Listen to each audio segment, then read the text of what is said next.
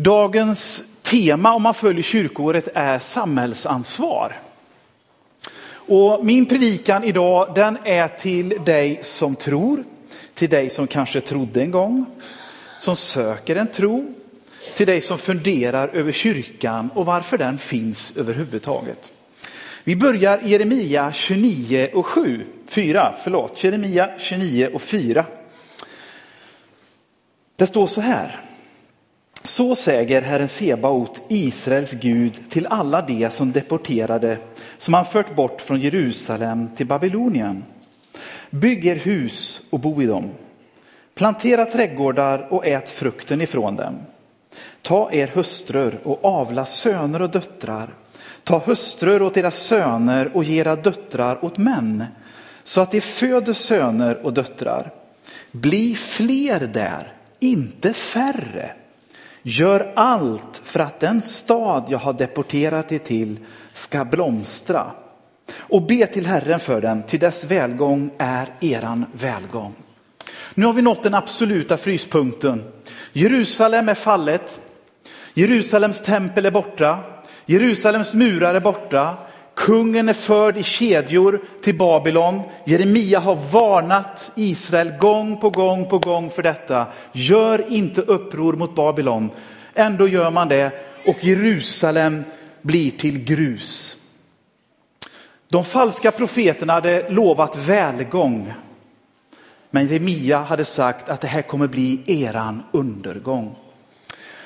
Trots det Fast vi befinner oss i den absoluta fryspunkten, religiöst, folkligt, framtidsmässigt. Och här kan du och jag läsa in oss själva i den här historien.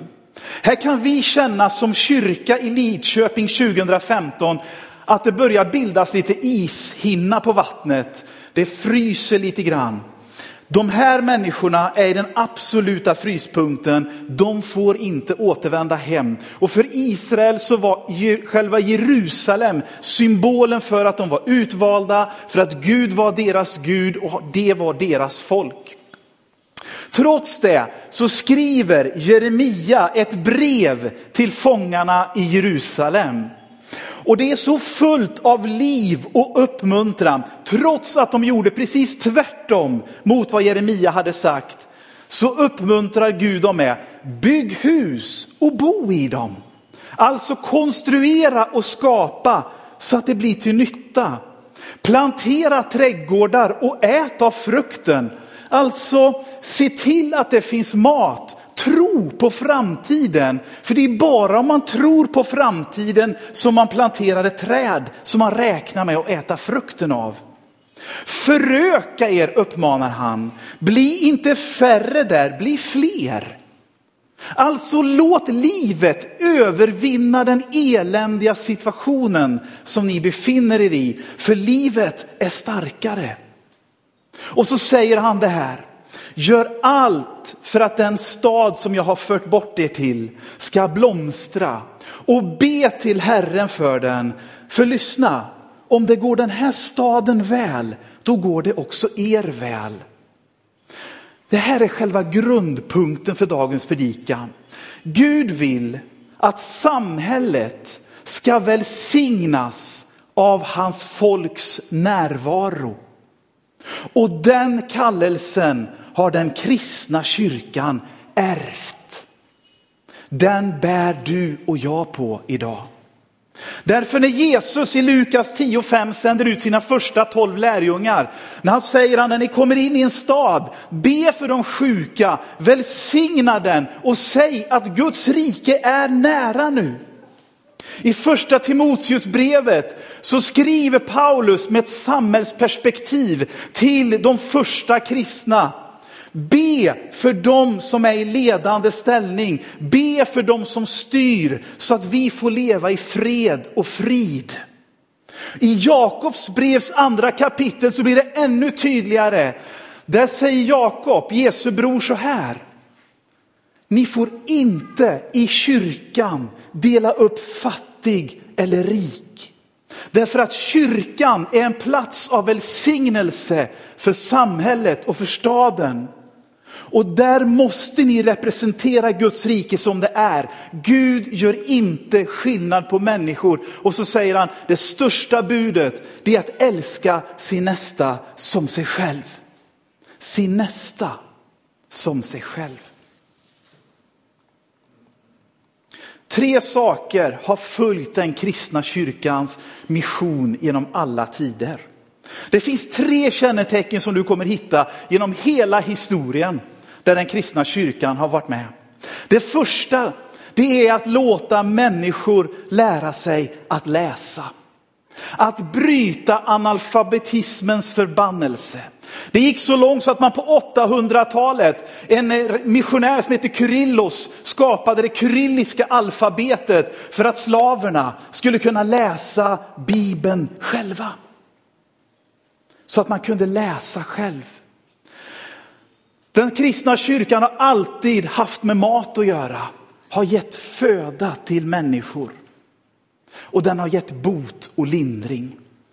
Det är ingen idé att jag drar en massa exempel. Vi fick ett här, Panzisjukhuset i Kongo, som jobbar dag och natt för att rädda människor från sexuella övergrepp och följderna av det. Det här är den kristna kyrkans själ, att bryta analfabetismen. Att ge människor ett språk tillbaka. Att ge människor mat att äta och att bota deras plågor. Så det är ingen idé att jag räknar upp så många mer, för hela historien är full av detta. Men vet ni vad? Jag tror att vi i Sverige idag har exakt samma uppdrag. Uppdraget som kyrka tror jag har både en fysisk, alltså att rent fysiskt ge människor mat, rent fysiskt lära människor att läsa, rent fysiskt hjälpa till att ge bot och lindring. Men det finns också en andlig sida av det, att bryta en slags andlig oförmåga att kunna läsa. En slags andlig analfabetism. Att bryta den hunger efter existentiell mat som världen ropar efter mer än någonsin. Och att ge bot och lindring i de existentiella frågorna. Jag kommer idag fokusera mer på den själsliga, andliga sidan. Inte för att den är viktigare, men det kan vara lite lättare ibland att se en insamling där vi drar in 75 000 kronor och skickar till ett sjukhus. Det är så påtagligt, det är så tydligt. Men det finns en annan dimension och det är den andliga hungern, det är den andliga läskunnigheten och det är den själsliga lindringen och boten. Och där har du och jag ett stort uppdrag idag, 2015. Den första punkten. Jag tänker om att vi ska kunna ge människor, att hjälpa människor till ett andligt språk. Kanske skulle man kunna säga att man bryter en slags andlig analfabetism. Att ge nycklarna och språket tillbaka till historien om Gud, människan och Jesus. Vad menar jag med det här? Finns det ett varför och ett hur i det här? Jag tror det. Det är ju så här att de flesta människor i Sverige idag, de kan läsa en text och förstå den. Men jag tror att någonstans på grund av den långa sekulariseringen avkristningen, av, där man har avsakraliserat Sverige och tagit bort det andliga, så har vi tappat nycklarna många gånger. Förståelsen av berättelsen om Gud, människan och Jesus. Dock tror jag att det är så här, att miljontals svenskar bär på en liten tro. Ett litet fragment av söndagsskolans berättelser. En liten tro på att ja, Jesus kanske hade rätt. Det kanske stämmer det där. Och jag tänker att ditt och mitt stora uppdrag, det är inte att komma och sätta vår stora frireligiösa fot på och säga, ja men det är bäst du bekänner rätt. Det är bäst du har rätt bekännelse så du, annars så passar du inte här. Utan vårt uppdrag, det är att precis som Bibeln säger om Gud, en tynande veke, den släcker han inte. Han blåser försiktigt på den så att den flammar upp igen. Vårt uppdrag i Sverige 2015, det är att bekräfta människors lilla, spirande, kanske falnande tro och säga att det räcker. Om du har tro som ett senapskorn så är du på väg till Jesus.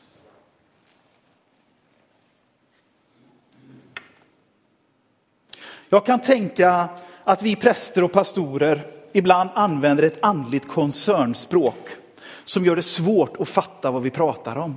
Ibland inom kyrkan har vi ett internspråk som gör att människor som kommer med en liten spirande tro med några futtiga nycklar kvar kanske i sin nyckelknippa kan känna att men jag passar inte i det här, jag fattar inte, vi pratar inte samma språk. Därför jag upplevde Gud när jag var ute i naturen igår. Och jag upplevde som att Gud var med mig i det här. När jag var på krogen i förrgår, då var det som att någon bara ville hjälpa mig till detta. Och så får vi stå där som kyrka och säga, ja ah, men du vet att det där kan inte vara riktigt korrekt i naturen. Ja, vad är det där för någon tro? Ja men Gud finns överallt, hela tiden. Och ständigt ropar han efter människors hjärtan. På krogen, i skogen, i arbetet, i sömnen, på gymmet. Var du befinner dig så finns ett ständigt rop ifrån Fadern som söker ditt hjärta. De flesta av oss är bekanta med Eisa Peite, eller hur? Må icke överdäckes, står det. Do not cover, står det på engelska. 10 000 kronors frågan. Var har du läst den skylten någonstans? Och vilket element då? Framför allt? På toan! Toalettens element. 10 000 kronor till Bosse 5 000 kronor till dig Jesper. Precis. Om det bara hade stått Eisa Peite så hade vi förstått att någon ville säga någonting till oss. Men vi begriper inte vad det är. Om vi inte kan finska. Någon har något väldigt viktigt att tala om för oss. Om du lägger dina vantar på elementet här så kan de börja brinna. Det är en livsviktig information. Om vi inte berättar om Jesus på ett språk som människor begriper, som jag begriper, så kommer jag ingenting fatta. Så kommer jag inte förstå hur livsviktig historien om Gud, Jesus och människan är. Jag tror att människor möter massor med uppmaningar, symboler, ord från kyrkan, Bibeln, kristna radio och tv-program. Men på grund av den långa sekulariseringen så kan det vara svårt att begripa vad det är vi säger. Så nu tänker jag att det är tid, nu är det dags att vi tar ett samhällsansvar och börjar berätta igen. Vad berättelsen om Jesus, Gud och människan egentligen handlar om. Det är inte att gå en timme i veckan och sitta i en kyrka och så är det bra. Det är inte det. Jeremia ger oss någonting helt annat. Han säger, bygg ett hus och bo i det. Det är dags att vår kristna liv får form, väggar, tak, golv, inredning. Att vår kristna tro bygger ett hem som gör det möjligt för människor att komma in i och lära sig läsa igen. Den uppmaningen ger Jeremia de fångna judarna i Babylon. Bygg ett hus. Och den uppmaningen tror jag Gud ger sin kristna kyrka idag. Låt den kristna tron få väggar, tak, färg, form, inredning och bjud in människorna på läsundervisning. Och det viktigaste som människor kan läsa i vårt liv, säger Paulus, det är våra egna liv. Han säger, ni är Kristusbrev skrivna av mig, läsbara för alla. Det största huret hur vi ska kunna hjälpa människor till ett andligt hållbart språk från Gud som inte är en hemmasnickrad teologi utan som är från Guds eget hjärta till mänskligheten. Det är vårt eget liv. Här är det största huret. Det här är det största brevet en människa någonsin kommer att läsa. Vårt eget liv. Det andra punkten jag tänker, det är att få ge mat till existentiell hunger. Varför då? Det är så här. Med en hungrig mage blir det väldigt svårt att lära sig läsa. Med en utsvulten själ är risken stor att man äter vad som helst. Med en hungrig mage vet varje hjälporganisation det är svårt att sitta still och lära sig att läsa. Och det visste varenda kristen missionär från dag ett. Men med en utsvulten själ är risken stor att jag äter allt som låtsas vara Gud. Jag är så hungrig och utsvulten. Och den tråkigaste kommentaren man kan få hemma när man frågar om maten är god, det är ja, vi var ju så hungriga. Det betyder ju att man kan äta nästan vad som helst. Eller hur? Hungern är den bästa kryddan, men det är inte säkert att den talar om för dig vad som är det bästa för dig.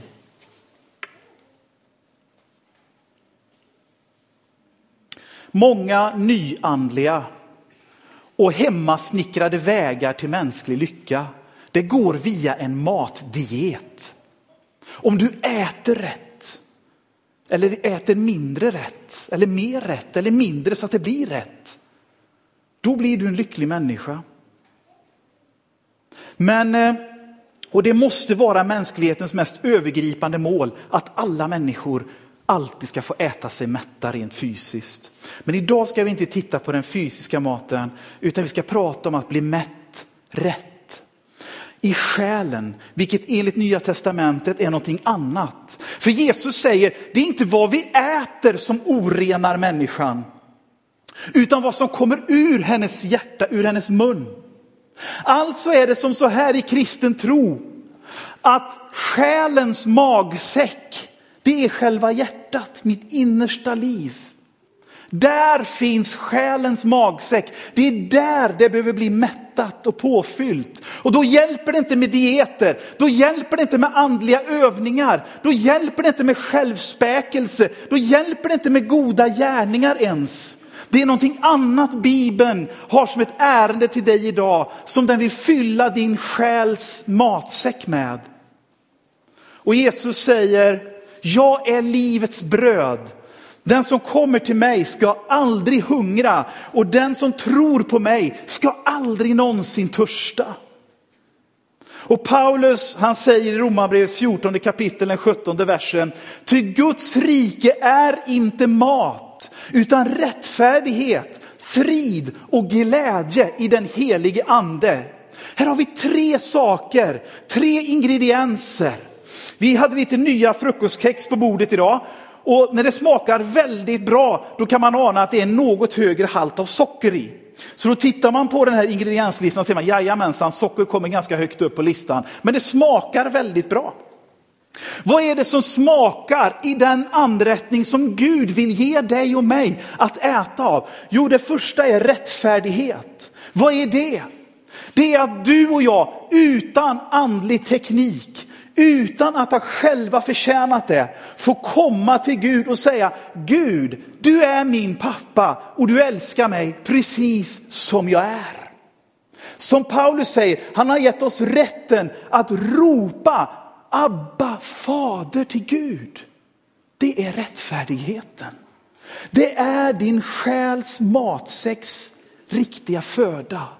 Du behöver inte söka bekräftelse. Du behöver inte söka att människor i alla lägen ska upphöja, vilket ju är vår tids förbannelse. Att mina bilder är bättre än dina bilder och mina kommentarer är roligare än dina kommentarer. Och jag syns en sekund längre på Facebook än vad du gjorde. Jag har mer likes och jag har mer tycka och twittra och hitta och allt vad det heter.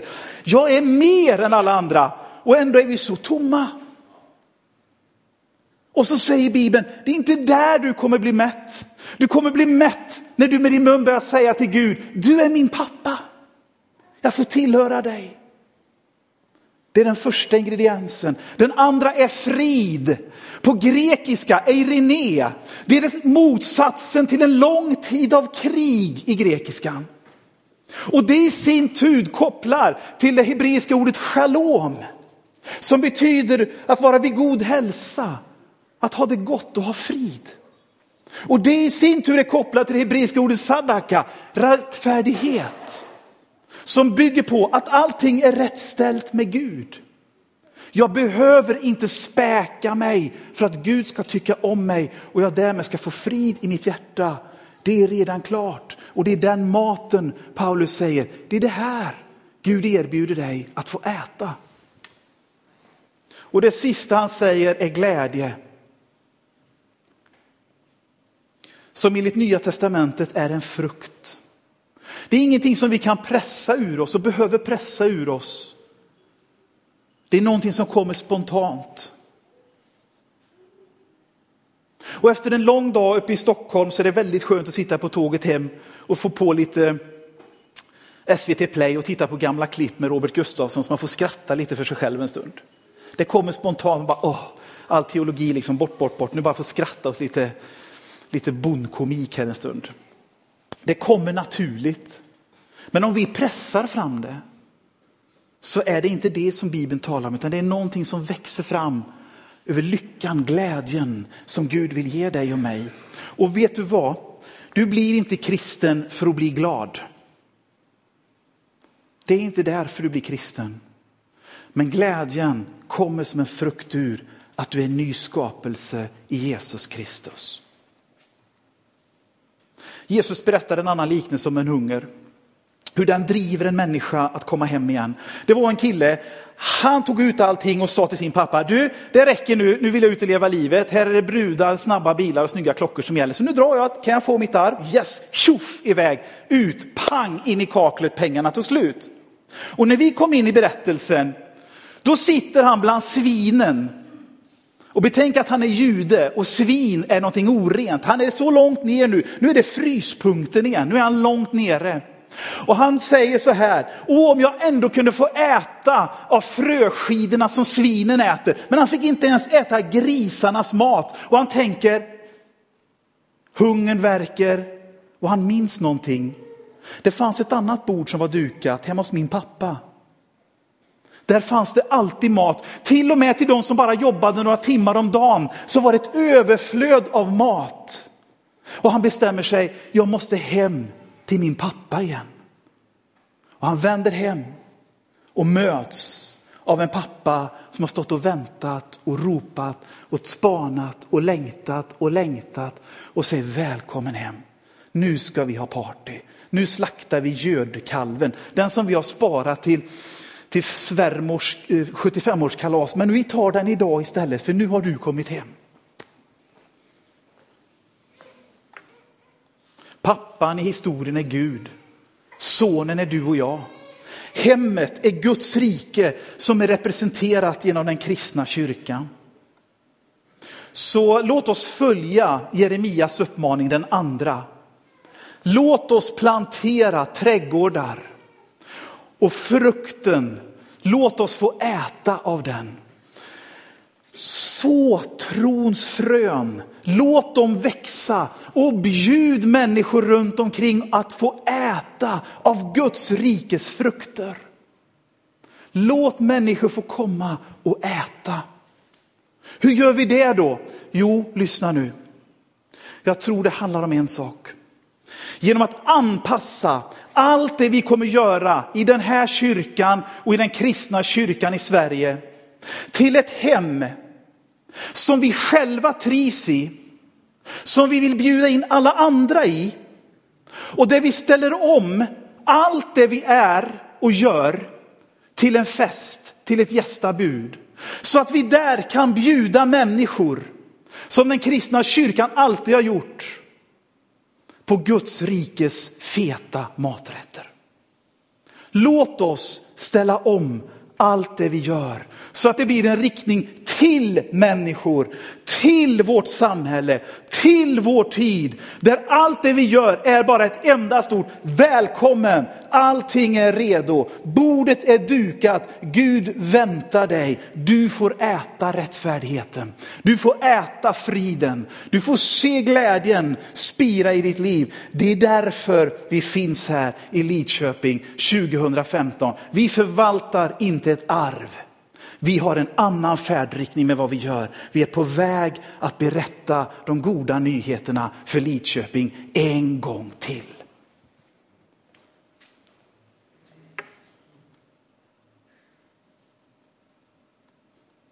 Låt oss bjuda Lidköping på det bästa vi har. Och släpp alla fruktlösa låsningar. Släpp alla revir.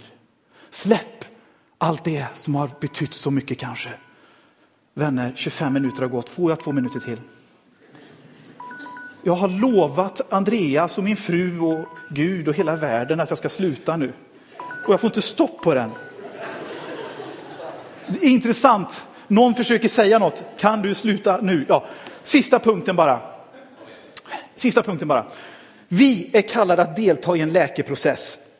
Och då är det fantastiska detta, att biskop Fredrik Modéus i Svenska kyrkan, tror Västerås, sa att Svenska kyrkan är en dold resurs i arbetet kring existentiell hälsa i Sverige. Jag tror att den kristna kyrkan till stora delar är en dold resurs i vårt land idag för att hjälpa människor med existentiell hälsa. Vi vet att Sverige är state of the art när det gäller att eh, bota och lindra kroppsliga sjukdomar. Vi har kommit långt när det gäller psykiatrisk vård. Men vi är på vissa delar ett uland när det gäller existentiell hälsa. Eftersom vi har sagt ju att det finns ingen Gud. Det finns ingen mening med evolutionen. Det finns ingen mening med att du och jag egentligen är här. Det blir bara den mening och den lycka som du och jag lyckas skapa. Men där står den kristna kyrkan och säger någonting annat. Och det hämtar vi från Jeremia 29.11. Samma kapitel, samma område som vi var på innan, där det står Jesus, Gud säger så här. Jag vet vilka avsikter jag har med er, säger Herren. Ehm, välgång och inte olycka. Jag ska ge er en framtid och ett hopp. För att det ska finnas en mening med någonting, om det nu finns en mening med någonting, så måste det vara tänkt. Annars är det meningslöst. Och då kommer den fina poängen med den kristna tron på Gud. Den tror nämligen på det Gud säger, att du är tänkt, att du är önskad, att det är absolut en orsak att du finns här. Det finns en mening med ditt liv. Du och jag är tänkta, vi är önskade.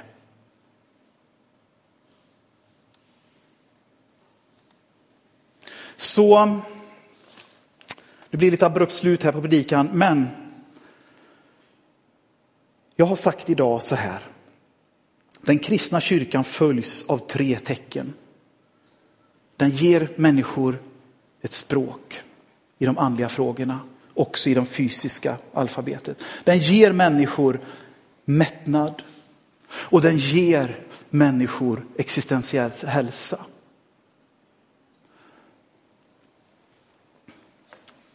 Så om vi ska följa Jeremia uppmaning nu, då ska vi inte bry oss om statistik som säger att den kristna kyrkans historia snart är över i Sverige. Då är vi i ett bottenfruset läge där Gud uppmanar oss, börja bygg, börja plantera, börja föröka er, be för den stad ni finns i. Vi är här för att välsigna vårt, vårt samhälle. Så till sist, varför finns vi då i Lidköping 2015? Jag tror att det är så här. För att vi tillsammans, kom ihåg ordet tillsammans, ska leva ett liv som är önskat och som till och med är större än det fysiska universumet. För att på resan till evigheten hos Gud som kallar dig och mig att förmera, bygga, plantera, dela ut mat, ge folk ett språk. Så att Guds rike kan flöda genom vår församling och våra liv i den tid som är. Därför har vi gudstjänst, därför har vi alfa, därför har vi lovsång, därför predikar vi gudstjänsten, därför sjunger vi tillsammans, därför har vi udden. För livet är till slut det enda som räknas. Och du och jag, vi kallas in i det här och nu, att ta del av det. Oavsett om du har en tro idag söker en tro, tvivlar på din tro, så kallas du idag. För det finns ett hopp och ett löfte som går långt utöver alla politiska proklamationer och ett vetenskapliga landvinningar. Och det säger, du är önskad. Du är Guds därför som svar på frågan om varför. Därför finns det något istället för ingenting. Därför finns kyrkan och vi vill fortsätta att berätta om det.